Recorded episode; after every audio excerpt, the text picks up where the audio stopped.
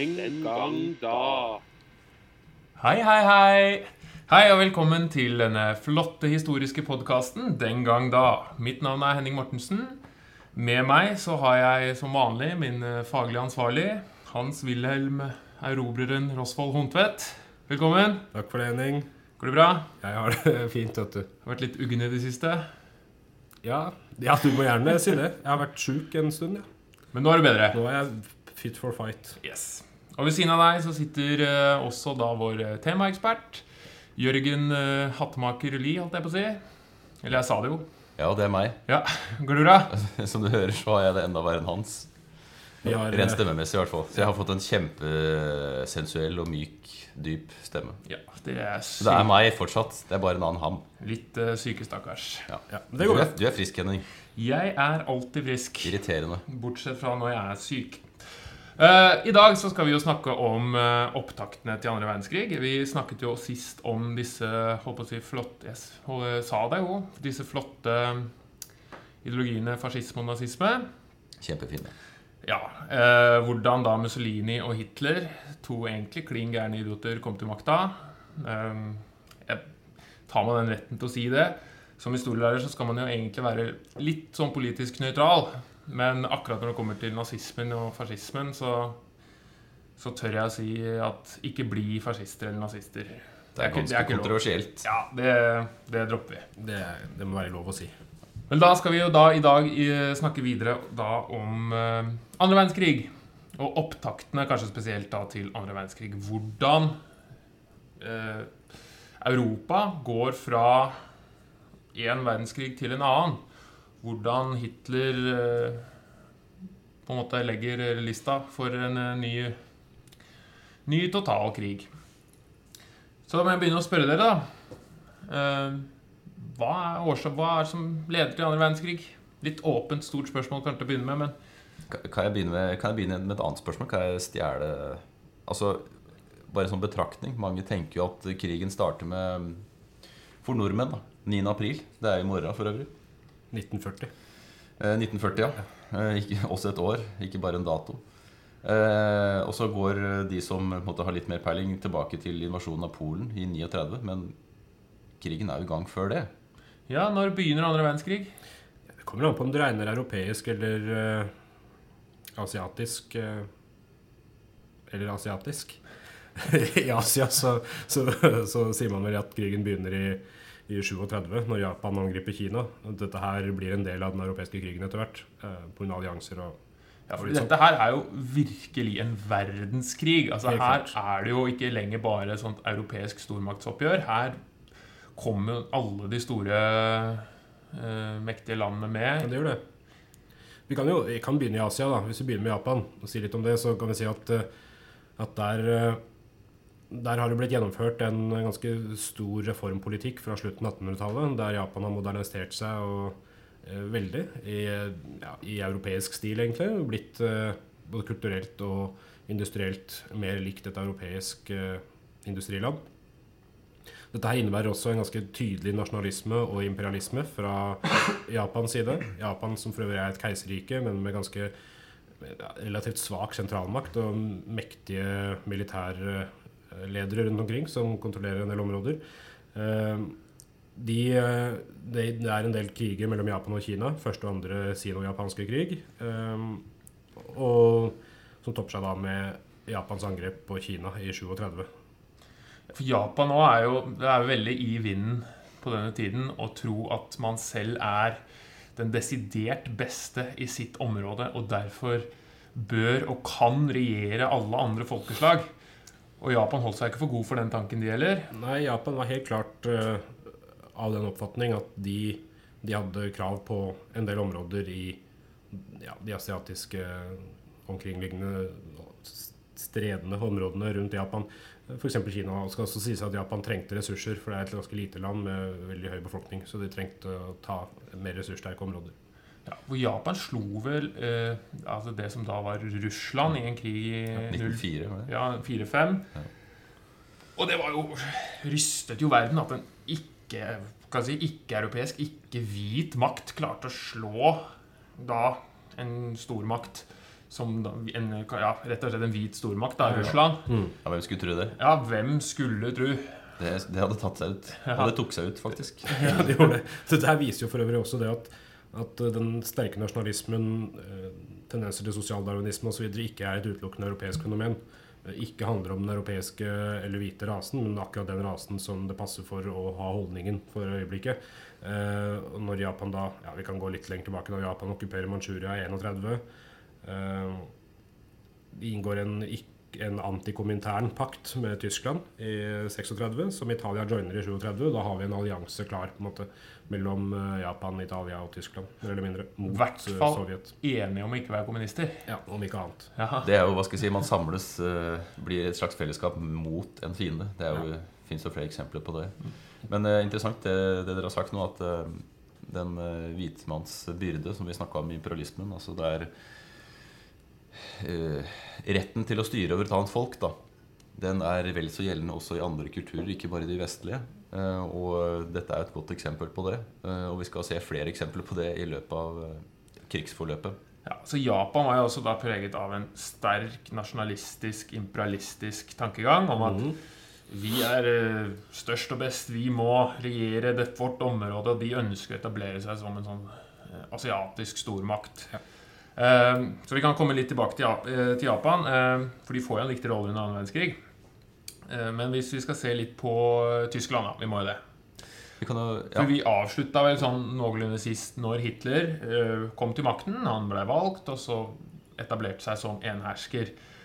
Men er, hvordan går vi fra det til en krig hvor 60 eh, millioner mennesker dør?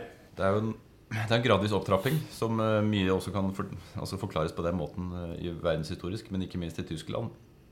Eh, og noe av eh, noe av grobunnen for dette finner vi allerede i Mein Kampf eh, til Hitler, hvor han eh, sier noe om hva, hva Tysklands rolle i de neste årene skal, helst skal inneholde. Og en av de tingene er jo Lebensraum, altså armslag.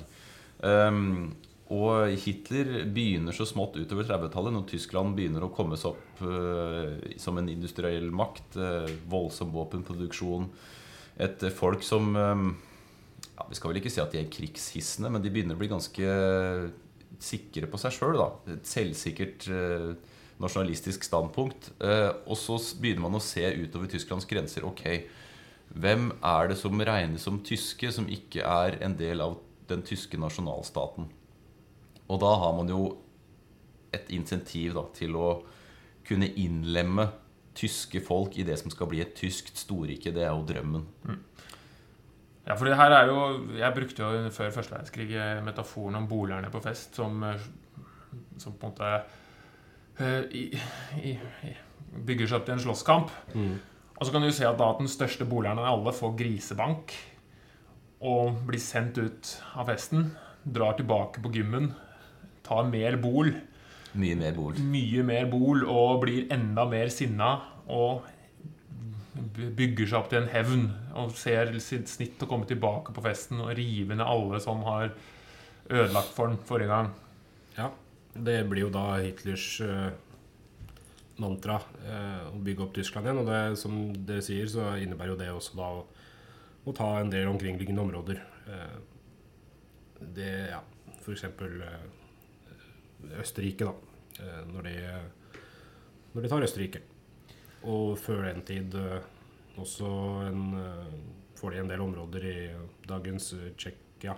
Ja, Sudetland. Sudetland Ja. Og dette her er jo greit å vite at det her er ikke noe Tyskland på en måte tar gjennom krigføring nødvendigvis, men det her er en avtale eh, som britene og franskmennene er med på, med på for, å, for å gi Hitler ja, for, man, man, man gir Tyskland noe for å prøve å bevare freden. da Peace in our time-opplegget. Ja, for, altså, for Hitler han begynte jo gradvis å ekspandere. Eh, som du sier, Sudetenland. Eh, I i eh, den si den gang da Tsjekkoslovakia. Eh, Østerrike annekterer han da også i 38. Men dette er jo klart imot da Versailles-traktaten. Ja, Hvorfor tillater de andre stormaktene dette her? Er, Ja, grunnen til at de tillater det, er jo som han sier, at eh, de er redde for krig. Og de har også en tro på at den type politikk de fører, skal hindre en ny verdenskrig. Vi- Og, Sudetland altså Det var en tysk befolkning der.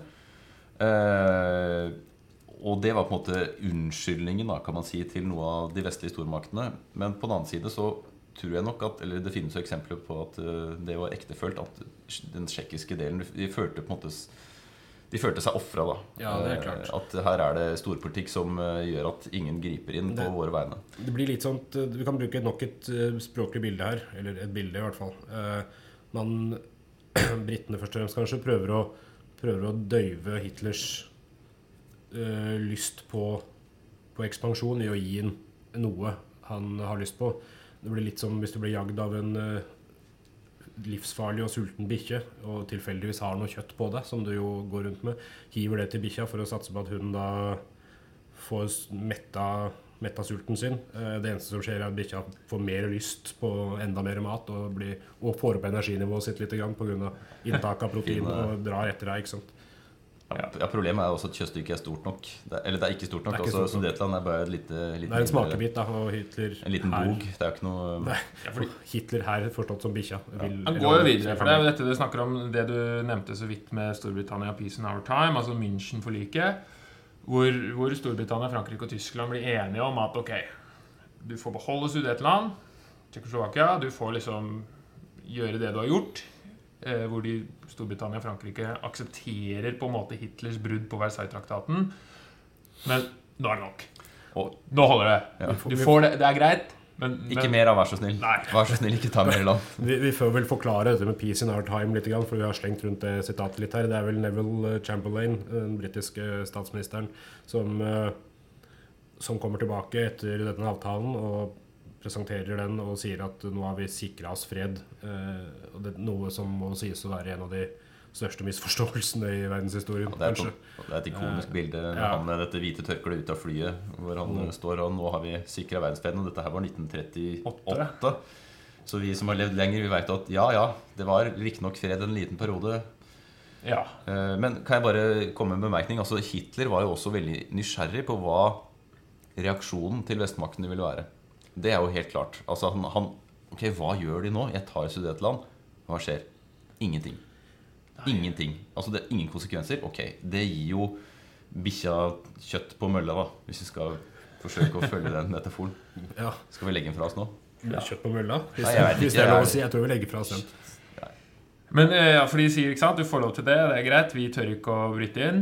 Og litt, kanskje litt sympati òg, fordi Tyskland var jo knust etter første verdenskrig. Så det er litt sånn ja ja, men det er jo en del tyskere der, og vi, vi, vi forstår liksom litt poenget. Og, Det er litt på tide å bygge den opp igjen. ikke sant? og imperialismen er jo ikke en slags ny tankegang. Vi må huske at Storbritannia, som er nevnt flere ganger, er også en stor imperialistisk makt. På den tida ja. ja. Det det. Eh, men eh, så viser det seg det da at man kan jo ikke stole på Hitler. Det- Merkelig nok kan man ikke det. Hvis du ikke kan stole på Hitler, hvem kan du stole på da? stole på da? Barten som tillitvekkende Ja. sitter. Fordi han, han bryter jo disse avtalene, og han eh, invasjonen av Polen. Men før vi kommer så langt eh, Fordi vi har jo Sovjet på andre sida her. Ja, Hvorfor bryter ikke de inn og stopper Hitler? For vi vet jo at kommunismen og nazismen er jo ideologiske erke, erkefiender. ja. Men det var en del um, Vi kan jo starte med det helt uh, konkrete. Da. De, selv om de var uenige ideologisk, så var det jo mye handling mellom tyskerne og sovjetene. De Ja. bytta våpen mot teknologi, bl.a. blant annet. Um, og jeg tror nok det var en viss respekt eh, for begge fra begge sider her, rent materielt. Altså at Man hadde ikke noe stort ønske om å begynne å banke opp han Bola-fyren. eh, Eller han eh, sedate, litt eldre, erfarne fyren. Altså les Sovjet. De ønska kanskje ikke å slåss. eh, Man kan jo også, hvis man skal prøve seg å være så kynisk og si at eh, at et lands ideologi ikke nødvendigvis er veien for deg sjøl, så lenge det ikke faktisk eh, går utover det. Eh, og de, de inngår jo en ikke-angrepsavtale i august 39. Molotov-Ribbentrop-avtalen eh, mellom Tyskland og, og Sovjetunionen. Eh, og dette her er litt viktig å huske på når Tyskland invaderer Polen, at Sovjetunionen også invaderer Polen eh, samtidig, og de deler Polen mellom seg. Eh, sånn at eh, det som senere blir den vestlige allierte, altså Sovjetunionen, er ikke, er ikke utgangspunktet med rent mel i bæreposene. Nei, fordi det er et godt poeng. Molotov-Ribbentrop-avtalen. Ja, og den, den sjokkerte jo hele verden, egentlig. Hvordan kunne Tyskland og Sovjet inngå vennskap? Ja. Som det jo tilsynelatende var. Ja, I hvert Eh, fall en, Men ja. en, eh, ikke Vi Ikke gidder ikke å slåss helt ennå. Vi bør, nå tar jeg beklager, Henning. Vi bør kanskje også nevne at eh, Østerrike er eh, en del av veien opp mot opptrappinga, altså såkalt Anschluss, hvor ja. Hitler var østerriker, og han ønsket også å forene Østerrike og Tyskland i, altså i et felles rike. da Og det var i 38, var det ikke det? Ja. 38, det her er en Og, så, og, og det blir jo møtt med jubel blant uh, en del østerrikere. i hvert fall Det er noen bilder derfra hvor han uh, er nærmest sånn parade, hvor han kjører gjennom gaten. Og her har vi forent gjennom vårt uh, Altså forent folk da på Ja, tvers nasjoner. Østerrike så jo Mange østerrikere så jo kanskje på dette som en mulighet til å gjenoppta sin stormaktsposisjon. For Østerrike-Ungarn var jo et stort rike som smuldret inn til en liten flekk på kartet. Og nå så de kanskje muligheten til å bli med da, i dette store tyske naziriket. Ja, og det skal jo sies at det er jo ikke Ja, hvor mange år siden er det? Det er, det er ikke ennå 100 år siden uh, samlinga av Tyskland. uh, der et alternativ var at Østerrike skulle bli en del av det nye Tyskland, noe det ikke da blei. Men, men eh, for mange så var det sikkert en levende tanke at det godt kunne skje på nytt. Men så inngår det i denne Molotov-Ribbentrop-avtalen. Molotov eh, for øvrig, det er Molotov-cocktail. Ja, det er det? Ja, Ja. Det satt jeg lurte på akkurat nå. Er det det som er Ja. altså, De som har spilt GTA, vet jo at det er de der flaskene hvor du tenner Ja. på en fille, og har du bensin, eller hva er det på? Ja, Et eller annet brannfarlig. Det er vel ikke så farlig. Du gidder vel kanskje ikke å bruke dyr men Nei, eh, er, den, den, eh, navnet på den cocktailen er vel fra vinterkrigen, er det ikke det? Jo, det er Molotov var med utenriksminister i Sovjet, og han fornektet jo at de bombet Helsinki. Nei, vi, mat, vi slipper matpakker, matrasjoner, eh, sa han. ikke sant? Vi, vi, det er ikke noen bomber. Her er salami og spekepølse. Og da ble det en sånn vits, da. ikke sant? Her er det en eh, cocktail til Molotov. Molotov-cocktail. Og Ribbentrop var jo da den Joachim eh, Ribbentrop var jo da den tyske utenriksministeren. Så dette er jo en avtale. Vi skal ikke angripe hverandre. Og forresten så skal vi dele Polen når vi invaderer. ja, det er praktisk. Ja, liten- Og øh, stakkars Polen, som jo øh, ja, Det er jo ikke første gang øh, at Polen har blitt spist opp og forandra. Hvis man forsøker å holde oversikt over Polens grenser i europeisk historie Det er sånn quiz-master-spørsmål siste runde. Det er liksom, hvor, Hva er grensene til Polen? Ja, vet ikke helt. Hvor er de? Ja, ja de, de får gjennomgå. Det er, men det er som eh, han sier, da, at eh, når Tyskland invaderer Polen 1.9.1939, så er jo det det som på en måte ofte blir brukt som starten av andre verdenskrig. Fordi da, endelig, da, så sier jo britene og franskmennene Nå, Hitler, nå får det for pokker være nok. Nå blir det krig. Og det er greit å huske at er, altså, Hvis man kan snakke at en krig begynner med, et, med en krigserklæring, så er det altså britene og franskmennene som da erklærer Tyskland krig i 1939. Eh, September-oktober, når de invaderer Polen. Ja, hvis, hvis man kan snakke om at Hitler var overrasket over at ikke noe skjedde øh, når de innlemma tyske folk i det tyske torriket, så var han også overraska over at det faktisk skjedde noe. Da England og Storbritannia og Frankrike erklærte krig, nå hadde han liksom blitt, så, hadde så høy selvtillit at han tenkte at nei, nei, nei, her skjer det aldri noe. Nei, og han, hadde, jo- han planla jo for krig, men det var først sånn i 33, 43 omtrent. Han antok at det kom til å bli en, eh, en krig. Altså, generalen hans eh, tror jeg fikk ordre om å planlegge for at det kom til å bli krig rundt 43, men ikke allerede i 39. 33. Nei, 43. Ja, ja, Ja, ja. nettopp. Ja, at han så for seg Ja. at øh, først i 43 skulle det være krig. Jeg fulgte ikke helt med på hva du sa. Beklager. Det er flott. Satser på at de der hjemme gidder å gjøre det. Men eh, Hitler invaderer Polen. Eh, Frankrike og Tyskland erklærer Polen i krig. Nei, Tyskland i krig. Og Frankrike og Storbritannia, mener du? Ja. Hva sa jeg? Skal vi begynne på nytt igjen? Vi bare klikker det bort. Ja, vi noe- det. Ikke noe problem. Ok, Tyskland invaderer Polen. Frankrike og Tyskland erklærer Nei. Frankrike og Storbritannia. Storbritannia sier. Erklærer- Erklærer Tyskland i krig. Det blir mye land her å holde styr på. Ja, og Andre verdenskrig, sånn som vi kjenner det, det er jo et faktum. I Europa. I Europa. Og så skal vi prøve å koble dette her sammen med det vi snakka om med Japan i stad. Og det er jo fordi Japan og Tyskland har en avtale. Uh, Og hva går den ut på, egentlig? Nei, I utgangspunktet var det en anti, den antikommentaren-avtalen, men uh, Så Ja, hva annet er det vi har her, da? De, de, de har en ja. Nå mista jeg tråda mi her. Men uh, Vi kan i hvert fall være enige om at vi, vi, begynner å få et ganske tydelig skille da, mellom Ja. hvem som er på hvilken side i Ja. andre verdenskrig. med full kobling får du jo ikke før litt seinere, der eh, når, når Japan eh, angriper USA, og USA kommer i krigen på, uh, på, på, på de allierte side, og da også mot Japan. Ja. Ja.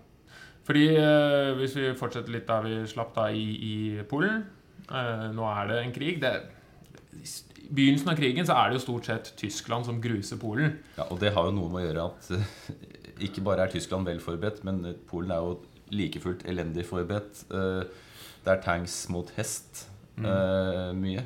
Mm. Det Jeg ville ikke vedda på hesten.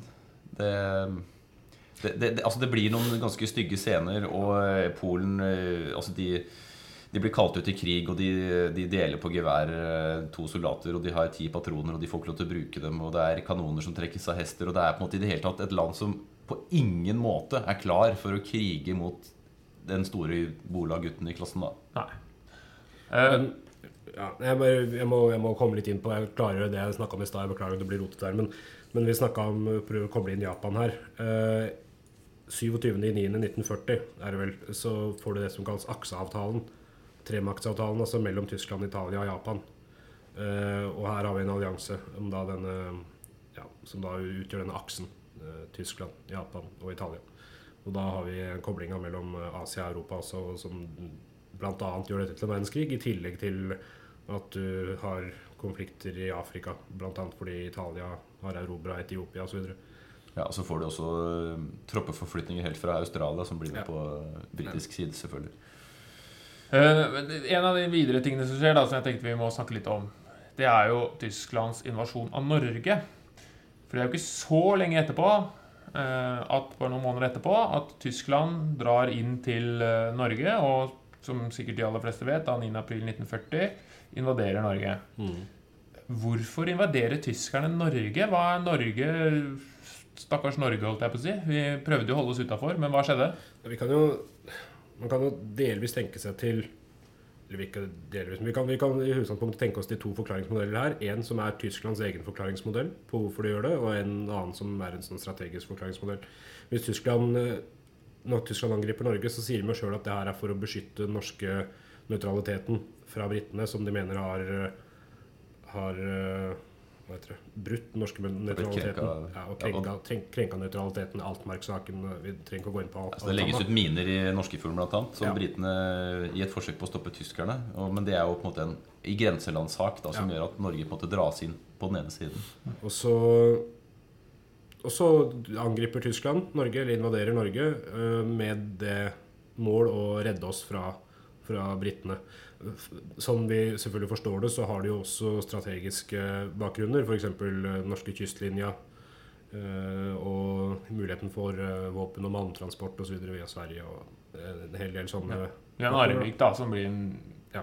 viktig by.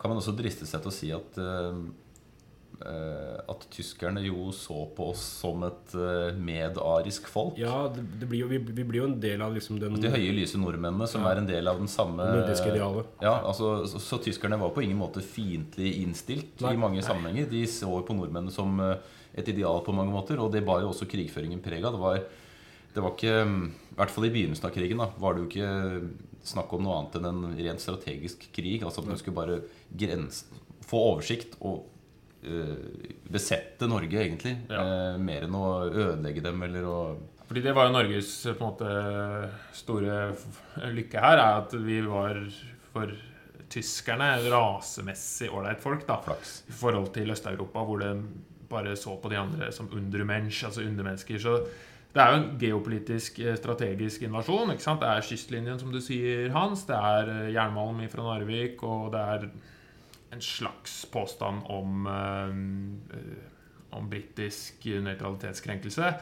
Men også en ideologisk ved at tyskerne så for seg eh, Norge som en, som en del av Storgermania. At det norske folk skulle være en del av det felles storgermanske samfunnet. Eller ariske ja. Så det sier jo litt gjennom den ekstreme raselæren til tyskerne. At det i det hele tatt skal ha noe å si. Det skal, oppsummert, Henning. Det skal, også sies at, eh, det skal også sies at de, de jo tar Danmark i samme slengen som de tar Norge i denne operasjonen Weser-Rybung. Det gikk jo rimelig fort. Det gikk, det gikk rimelig kjapt. Eh, Det som er litt verre å forklare, er jo hvorfor de velger å gå mot Frankrike mens de fremdeles kriger mot eh, britene i Norge. Så går de mot Frankrike i mai og juni i 1940. Tar Frankrike relativt kjapt. En måned, tolv dager. Men Ja, De går jo gjennom Belgia for å nok, Nok en gang. Nok en gang for å unngå denne Maginot-linjen. Det flotte forsvarsverket som franskmennene hadde murt og betongert, eh, hvis det heter det, årevis. i årevis. Nei, vi går under Belgia. Ja, vi går Bare glemt rundt. å bygge mur i Belgia. Det er ingenting som skjer i Belgia. Merde. Flatt og Nei, påfritt. altså, Belgierne ville jo ikke ha mur, forståelig nok. Eller et forsvarsverk der. Men Ja. Og også var det noen skoger og noe greier som franskmennene tenkte at det klarer ikke tyskerne å gå gjennom. Men jaggu Skog. Nei, ja, men de, de så jo bare at tanksen ikke kom gjennom, da, men det Ja, ja, ja. gikk jo kjempebra. Det gikk jo bra. Sett Det- perspektiv. Ja, så vi kom dem igjennom. Ja, og så og så blir jo Frankrike et litt spesielt land etterpå. Vi trenger ikke å gå så mye inn på det, Men de deles jo i to med en delvis tyskvennlig regjering ved skiregime i sør. Og, men, men altså tolv dager på å ta Frankrike? Nei, nei. En, var det måned, det? en, En måned, ja. Og, uansett. en måned og tolv dager. En måned og tolv dager. Det var omtrent det de brukte på Norge, var det ikke det? Før, ja, Ja, ut mot juni. ja, altså, og det er jo i, i, Hvis man skal sammenligne første verdenskrig, da hvor man brukte fire år på å flytte seg to kilometer fram og tilbake på Verdun, så er det jo en forbedring. Ja, og det har jo mye med den nye teknologien å gjøre. Det er derfor jeg alltid litt, når vi har om andre verdenskrig eh, Det er veldig mange unge gutter som syns at andre verdenskrig er veldig fascinerende. Og det er jo forståelig. Det er mye tekniske nyvinninger, og det er tanks, og det er fly, og det er Så man får alltid én sånn fyr i klassen som spør om Du, hvorfor skifta de gir på den og den tanksen Ja. i For 1943? Hjula var, var for små, du, så de satte seg fast. Og, masse, og det finnes jo enormt mange programmer på Discovery som tar for seg de store slaga, de store tanksene. Og det er jo sånn evig fascinerende tema, da. Ah, Jeg skjønner jo det. Ja. Men det jo andre verdenskrigskrigføringen kontra øh, den første verdenskrigskrigføringen var jo mye mer effektiv.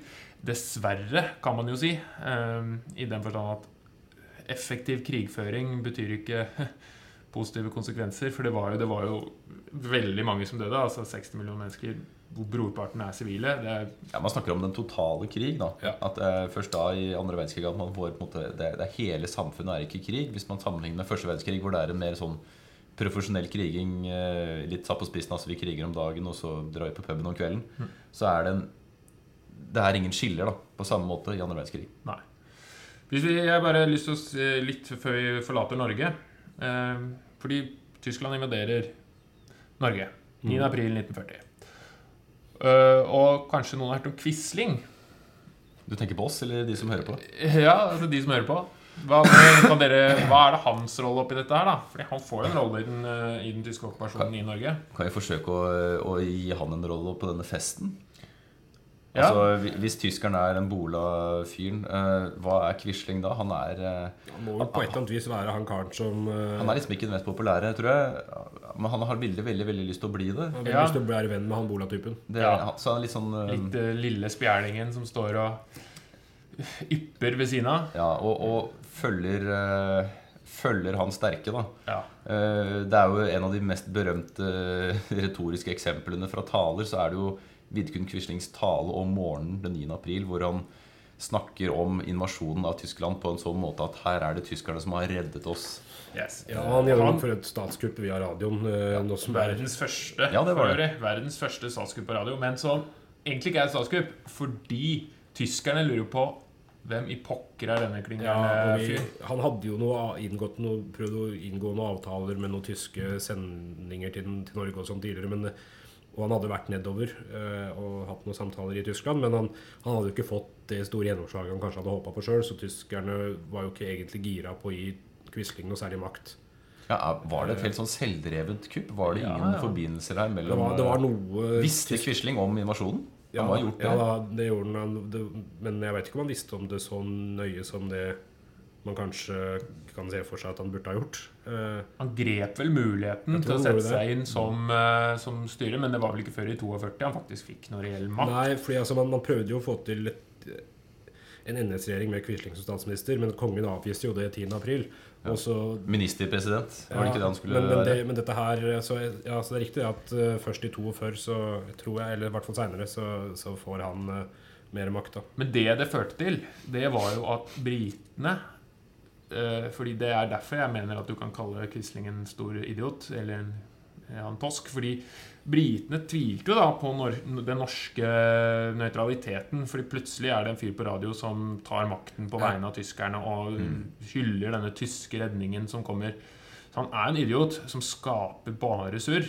Og slags, dette er jo før internett og den type kommunikasjon, så det, det var jo litt sånn Ja, det går litt saktere med informasjonsspredninga. så, så britene vurderte jo og tenkte at er nordmennene virkelig eh, nøytrale? Fordi Quisling var jo ikke det. Han var jo en, Han var ikke det. han var jo på en Skal tyskerne. vi, skal vi si litt om Quisling? Hvem var den fyren? Nei, altså, han var jo Det er greit å nevne Han dukka jo ikke opp fra ikke noe.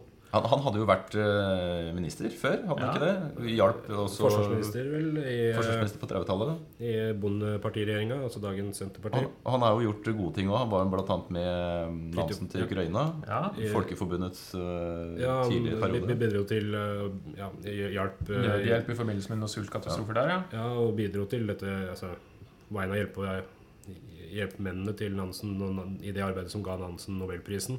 Mm. Hvis Quisling hadde fått den Nobelprisen, så hadde det vært en ganske spennende utvikling senere. Men eh, eh, og, Men hva slags fyr var han? Han støtta i utgangspunktet sovjeterne, det, men så snudde han seg mot Stalin eh, på et eller annet tidspunkt eh, av grunner som er litt vanskelig for oss å forstå. Men han var glad i Stalins måte å en måte holde kontroll på folket på. Eh, Men så snudde han på et eller annet tidspunkt, starta Nasjonal Samling, da han følte at de norske borgerlige partiene ikke klarte å få god nok bukt med venstresida. Og ja. Går det an å kalle Quisling en intellektuell? Var han det? Ja, var han han var en i oppegående fyr, eller var han eh, Det er vanskelig å si. Han var nok forsøksvis det. Han har jo, han har jo skrevet Han skrev en del tekster som, som kunne blitt samla i et verk som skulle bli het, eh, hetende 'Universalismen'. Det er en sånn filosofi Verken mer eller mindre. Ja, det er en, en filosofi han har, der han egentlig drodler rundt en haug med store spørsmål. Alt fra liv på fremmede planeter til kvinnens og mannens stilling i samfunnet. Og det er liksom litt sånn forsøksvis Mein Kampf, men uten, uten spesielt mye politikk. Mer eh, ja, Jeg kaller det kvasifilosofi, da. Men Det er et godt poeng du har her, fordi det er vanskelig noen ganger Så det er veldig lett å avfeie folk man er totalt uenig med, som idioter. Eh, noe jeg gjorde for tre minutter siden. Mm. Men det er eh, lov, men- fordi han er en veldig forhatt skikkelse i norsk Det klart, historie. men- Og jeg er totalt uenig med hans Men, måte, men nasjonale ideer, så derfor er det vanskelig for meg å akseptere han som en oppegående fyr. Det er klart. Men vi kan i hvert fall stadfeste da, at på et eller annet tidspunkt så ble han interessert i eh, gamle norrøne idealer og blanda det sammen eh, med tysk eh, up, up and coming eh, politikk og stifta NS, Nasjonal Samling, som ble eh, et parti eh, som ble det ble jo ganske populært, eh, i hvert fall Ja. i krigens tidlige fase, når Ja snudde kappa med før, før krigen så, så fikk han jo ikke altså han, han kom aldri inn på Stortinget i det partiet. Han hadde jo vært, stats, eller han hadde vært uh, i regjering tidligere, men det var jo da ikke, ikke med NS, det var med Bondepartiet. Uh, det var flere i Bondepartiet som for øvrig Altså dagens Senterpartiet. ja, som, som på det tidspunktet ble NS-tilhengere. Men, eh, men, han, men han fikk en del folkelig, folkelig oppslutning ganske tidlig. Og under krigen så er det klart at mange meldte seg inn i NS, men det skal også sies at eh, nok var mange andre grunner enn at man støtta dem. eh, strategiske årsaker. Ja. så, så det å ha hatt et NS-medlemskap betød ikke nødvendigvis at du ble dømt for landssvik etter krigen. Eh, I mange det- tilfeller så var det jo det òg. Men, Ja, eh, men det- men det var vanskelig å på en måte si noe om motivasjonen. Da, fordi det var et visst, eh, visst preg av tvang. Og eh, hva gjør vi?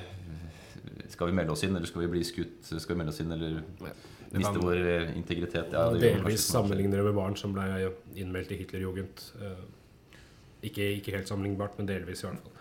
Men vi kan, dette her kan vi dekke senere. Og Norge var jo da underlagt tyskerne i fem år.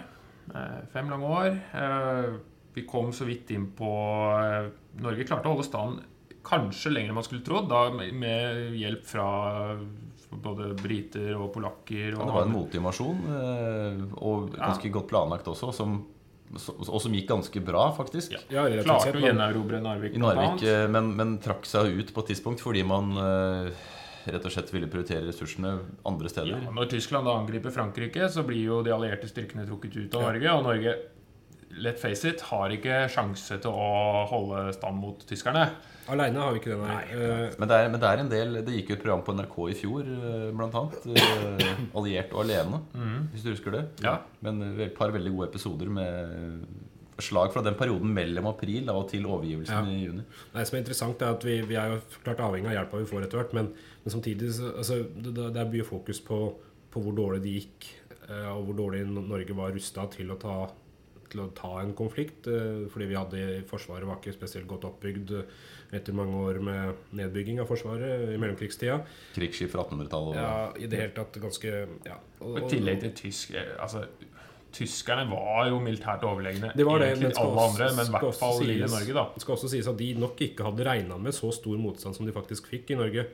Um, til tross for det vi vil kanskje påstå er en ja, relativt fattig forsøk på norsk mobilisering. Men altså, vi, vi kan snakke om at eh, det, det var en fabelaktig forvirring når Tyskland først angrep 9.4. Uh, man eh, Rapportene om dette her tidligere uh, hadde ikke kommet fram til de det burde ha kommet fram til, og i den grad det hadde kommet fram, så hadde det blitt oversett litt.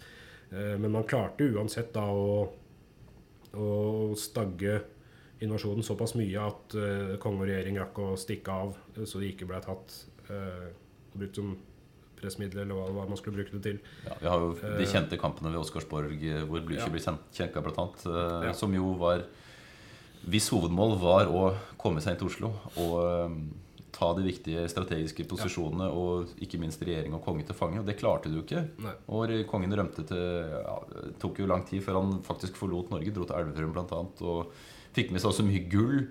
Um, så det er jo ikke helt håpløst. Ikke. Eh, men samtidig en, en kamp som er dømt til å tapes da, Ja. innenfor et visst tidsrom. Det er for øvrig en del gode historier fra, fra Sørlandet. Kristiansand eh, blir jo bomba ganske tydelig uh, ja, 9. april. Og, og, og, og der, der jeg, jeg vet ikke om det er så mange andre eksempler på det, men i Kristiansand så er det i hvert fall et godt eksempel på at Fedrelandsvennen, altså avisa, faktisk blir gitt ut 9. april. Eh, Ja, etter bombinga, nei. De, de, det var noen som fant ut at nei, pokker heller, vi må gi ut en avisa, avisa, ja. selv om bombene hagla rundt dem. Men det er en helt abs absurd eh, situasjon. da Altså Et Norge i krig. Altså Det er lenge lenge siden man hadde Når var det sist Norge i krig? Det må jo bli 1814, da. Ja, det var jo Ja, altså Det er, det, det er en krig, situasjon man har glemt. den, ja, det var ikke den type krig på norsk jord da. Så Altså, altså Bildene fra, fra Nina Eller jeg husker ikke hvilken Nato. Altså Tyskerne som marsjerer gjennom Karl Johan. Da. Hvilken Nato var det?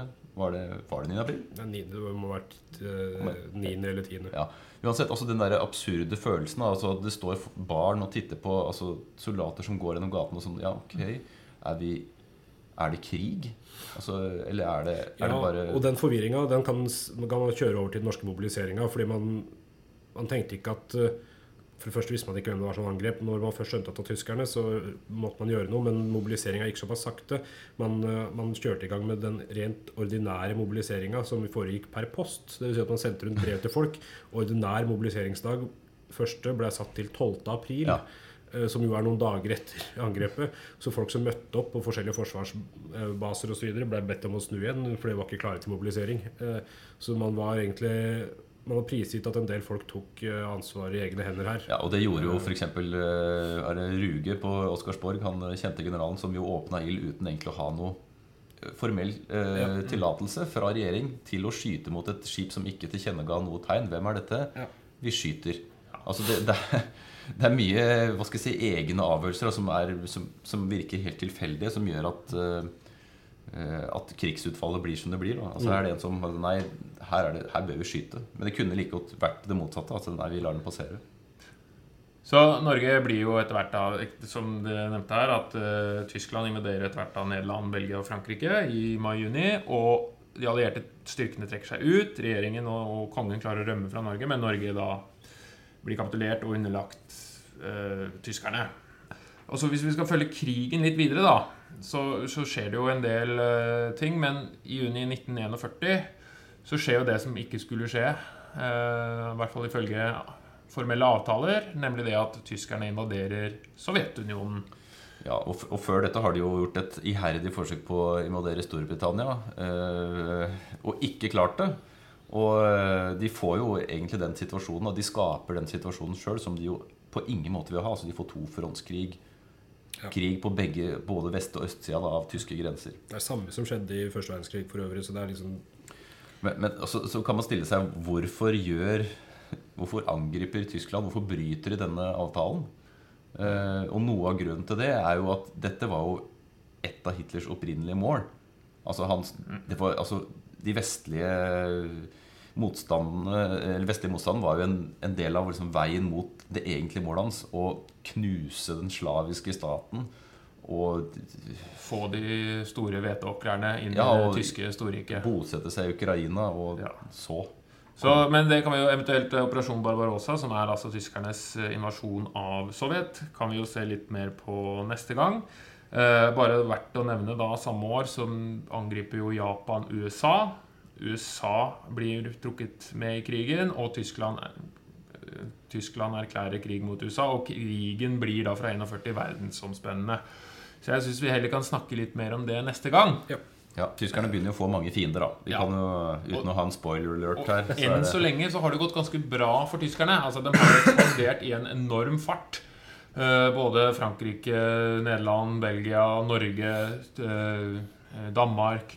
Og ikke sant, nå på vei ut da mot de store vedtakerne i Sovjet. For å knuse en gang for alle denne røde fare som truer med stor bart og, veldig, veldig stor bart. og masse våpen. Hitler var glad i små bart. Ja.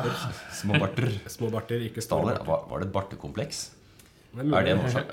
Det, det grunnleggende årsak til andre verdenskrig. Ja, bartekompleks. bartekompleks. Men eh, jeg tenker vi, vi avslutter eh, litt eh, nå med opptaktene.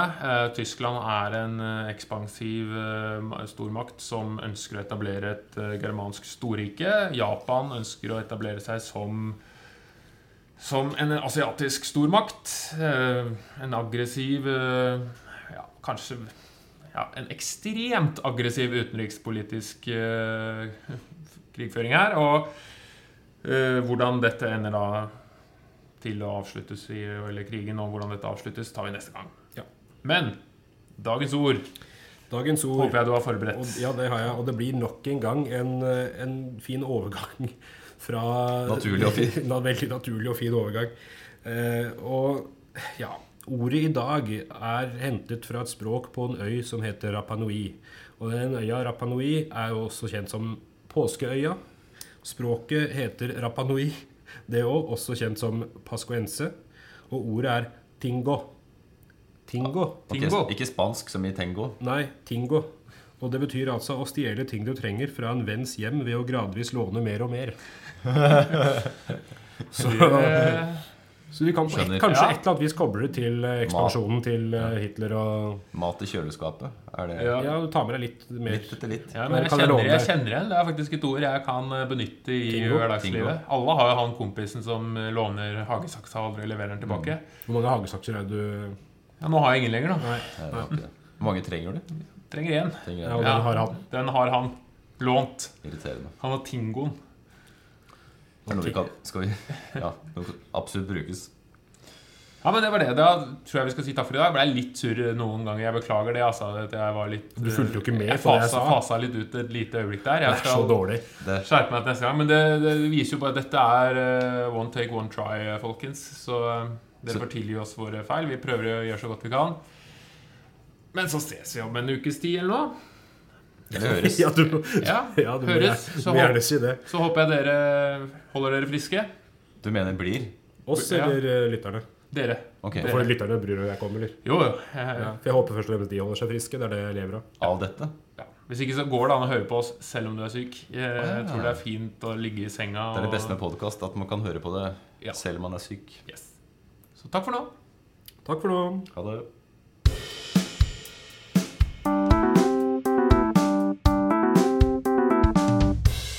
Den gang da.